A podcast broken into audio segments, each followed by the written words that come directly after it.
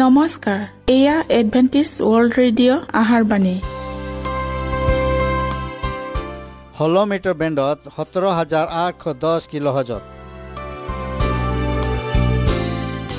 Adventist world radio যোগে অসমীয়া ভাষাত প্ৰচাৰিত আহাৰ বাণী প্ৰত্যেক বুধবাৰ আৰু দেওবাৰ সন্ধিয়া সাত বজাত আহাৰ বাণী শুনাৰ পিছত আপোনালোকৰ কিবা মন্তব্য আৰু প্ৰশ্ন থাকিলে আমালৈ এই ঠিকনাত লিখক। আমাৰ ঠিকনাটি হৈছে Adventist World Radio' Seven Day Adventist মণ্ডলী অসম শাখা লতাকাটা বশিষ্ট গুৱাহাটী সাত আঠ এক শূন্য দুই ন।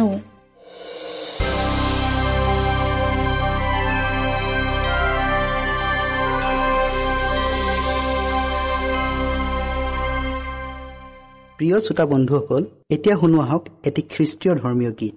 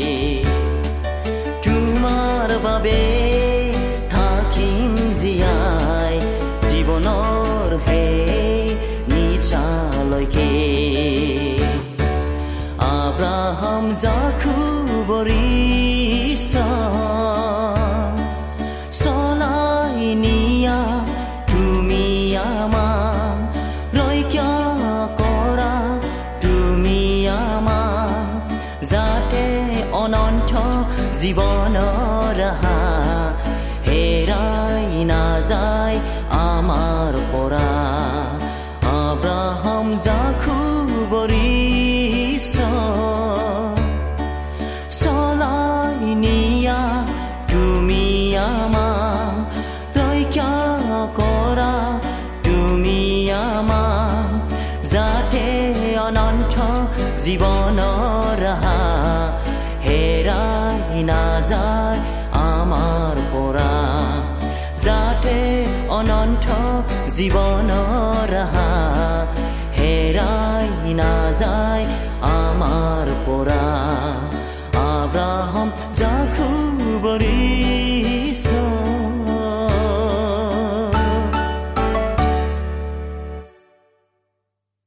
প্ৰিয় শ্ৰোতা বন্ধুসকল আহক আমি খন্তেক সময় বাইবেল অধ্যয়ন কৰোঁ হওক।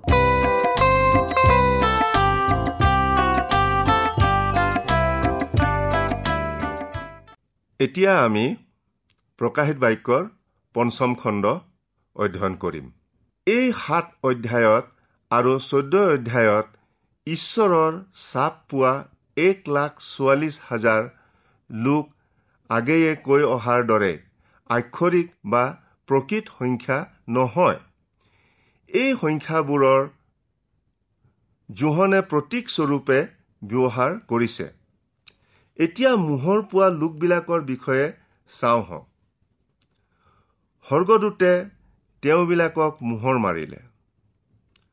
তেওঁবিলাকৰ কপালত পিতৃৰ নাম। পৰিত্ৰাণ পোৱাবিলাকৰ প্ৰথম ফল।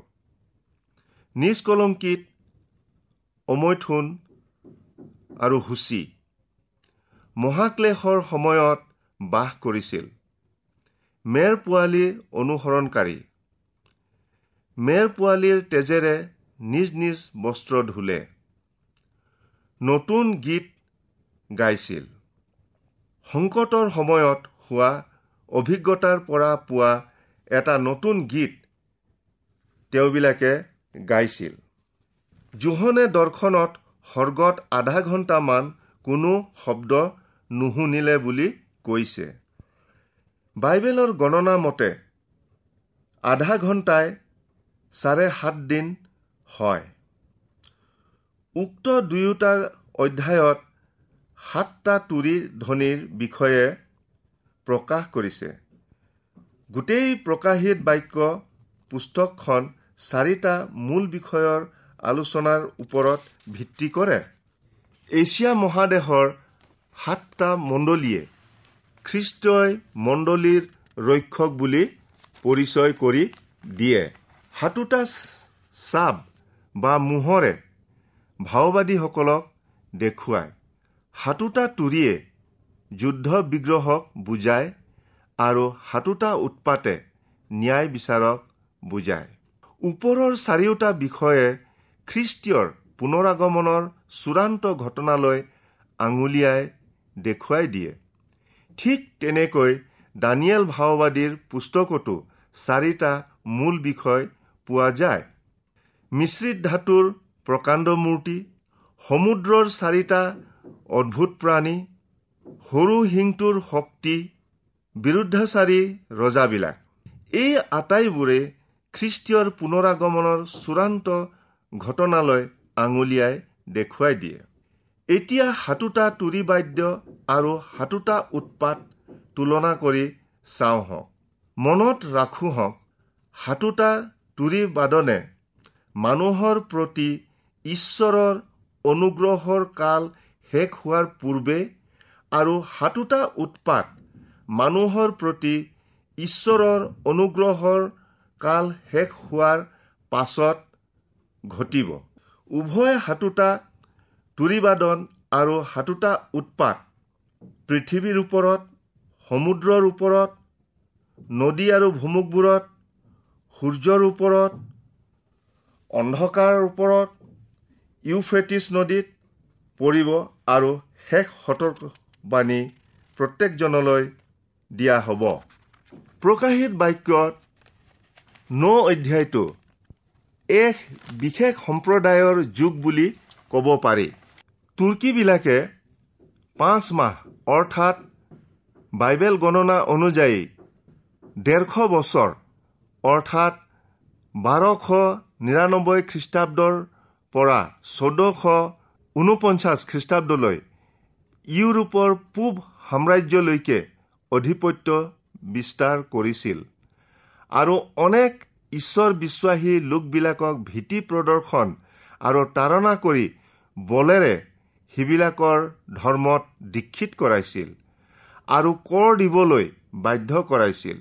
সিহঁতৰ ক্ষমতা সিহঁতৰ নেজত আছিল বুলি কোৱা হৈছে। নেজৰ অৰ্থ মিছা শিক্ষা বুলি কোৱা হৈছে। ফৰাত নদীত বন্ধ হৈ থকা চাৰিজন দূতক মুকলি কৰি দিবলৈ ষষ্ঠ দূতক আজ্ঞা দিলে। সেই ফৰাত বা ইউফ্ৰেটিছ নদীক বাইবেলৰ ভাওবাণীত প্ৰতীক হিচাপে ছৈতানৰ দ্বাৰাই পৰিচালিত শত্ৰুৰ দেশ বুলি কোৱা হৈছে। ইউফ্ৰেটিছ নদীক বিধৰ্মীবিলাকৰ গৃহভূমি বুলিও কোৱা হৈছে।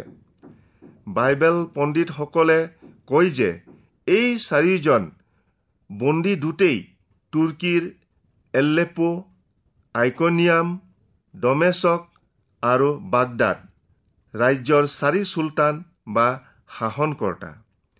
এই ৰাজ্য কেইখন ইউফ্ৰেটিছ নদীৰ আশে পাশে আছিল।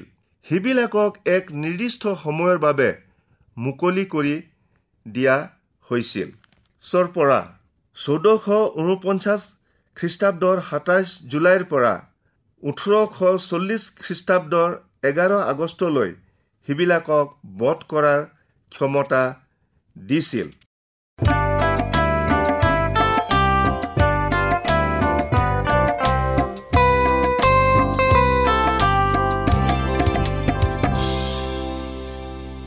ইমানপৰে আমি বাইবেল অধ্যয়ন কৰিলোঁ। এতিয়া আকৌ শুনো আহক এটি খ্ৰীষ্টীয় ধৰ্মীয় গীত।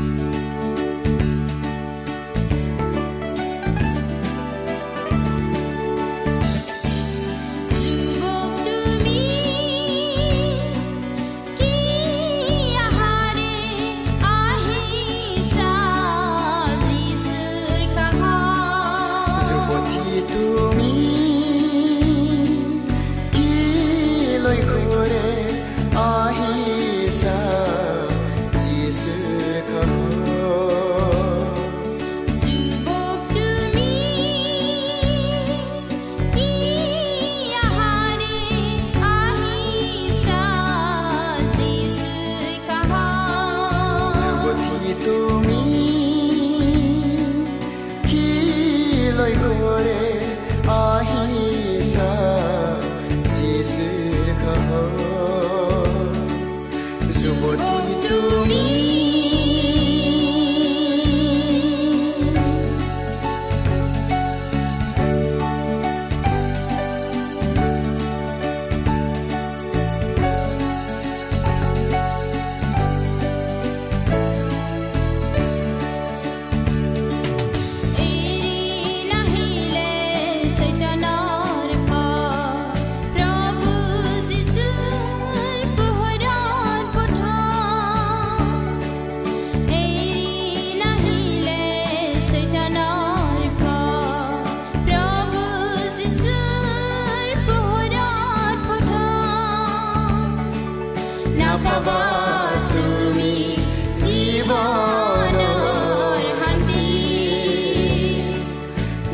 নাপাবা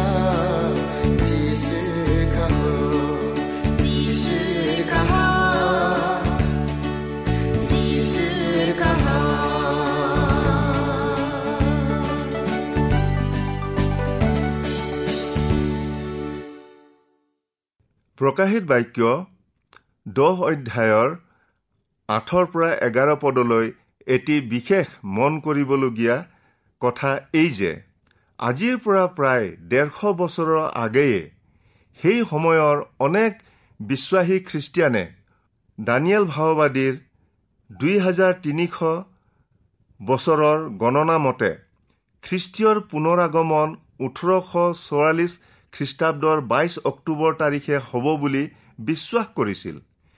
কিন্তু উক্ত দিন আহিল আৰু গ'ল।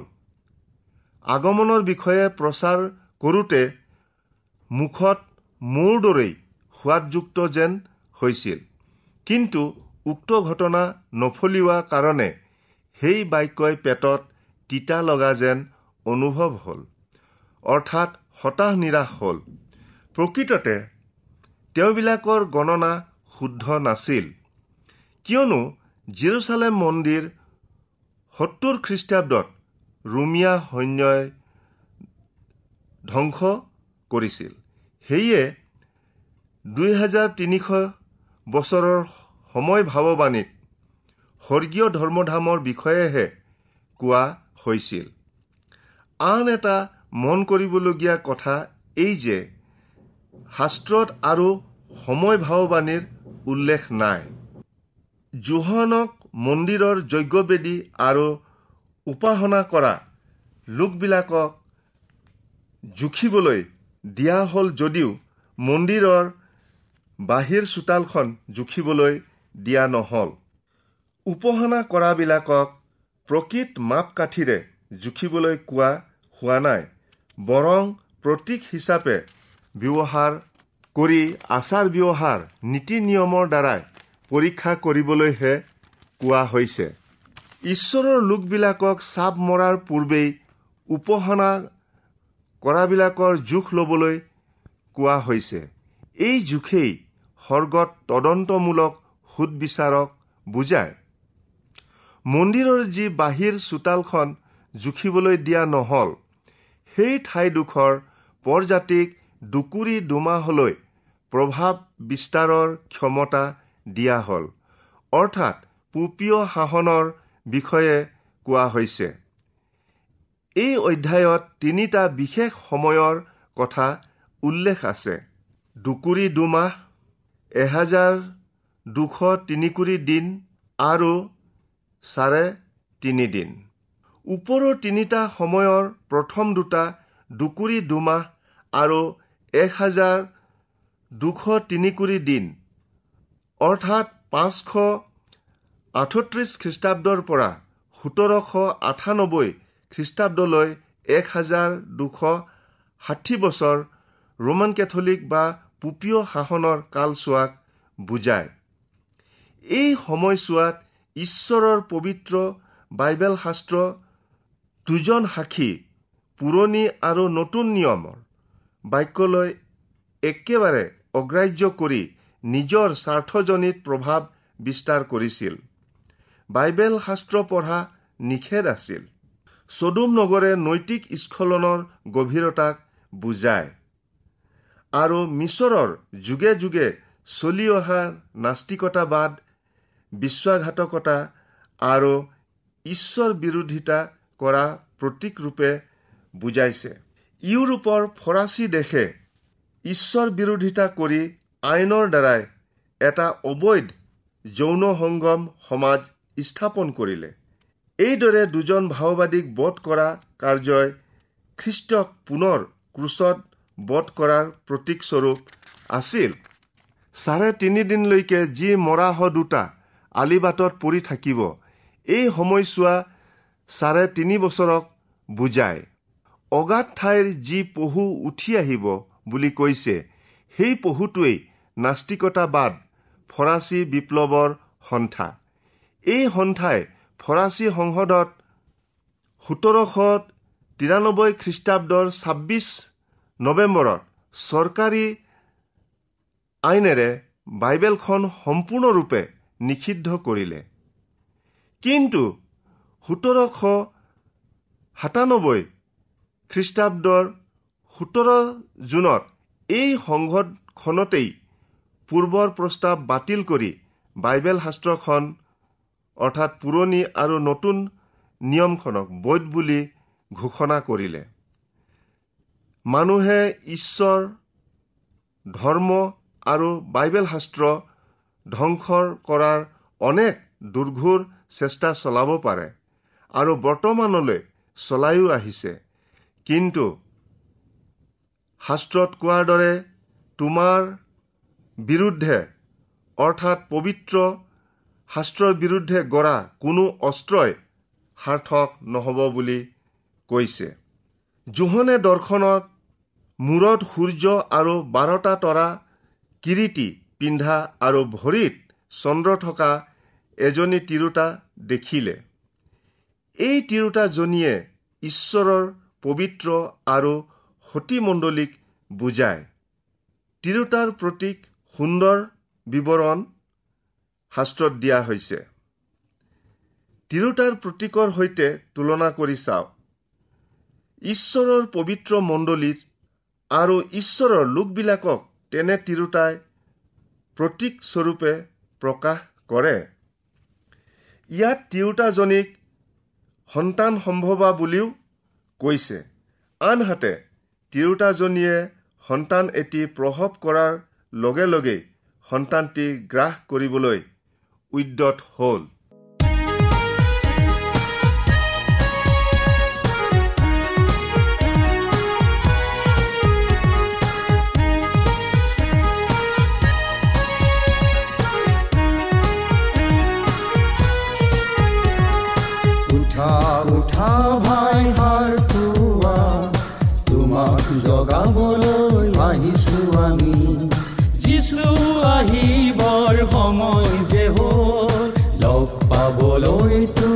সাজু হৈ আছানে যিছু আহিবৰ সময় যে হ'ল লগ পাবলৈ তুমি সাজু হৈ আছানে উঠা উঠা ভাই হাৰ পোৱা তোমাক জগাবলৈ আহিছো আমি।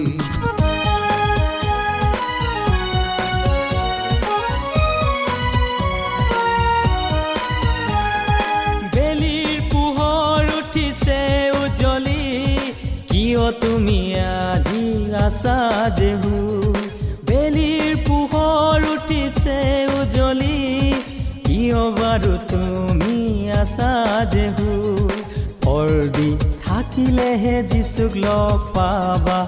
প্ৰাৰ্থনাত নাথাকিলে কিৰিটি যে নাপাবা। টোপনিতে থকা জনে স্বৰ্গ যে নাপাব। বাৰে বাৰে কোনে তোমাক জগাব? উঠা উঠা ভাই হাৰ তোমাক জগাবলৈ আহিছো আমি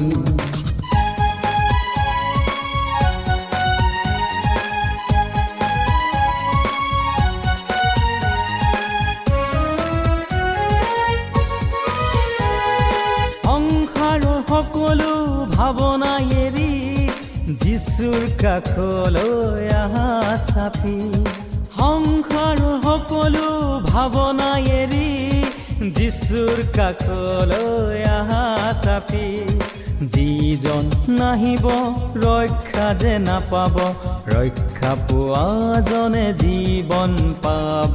দুবাহু মেলি তেওঁ আছে বাচ্চা মাতিছে তোমাক মনত ৰাখিব আমাৰ ঠিকনাটি পুনৰ কৈ দিছোঁ Adventist World Radio' Assam region of Seven Day Adventist Voice of Hope Lotakata Basistha Guwahati seven eight one zero' two nine প্ৰিয় শ্ৰোতা বন্ধুসকল এডভেণ্টিজ ৱৰ্ল্ড ৰেডিঅ' যোগে আহাৰবাণী প্ৰচাৰত আপোনালোকক পুনৰ লগ পোৱাৰ আহাৰে আজিলৈ সামৰিলোঁ।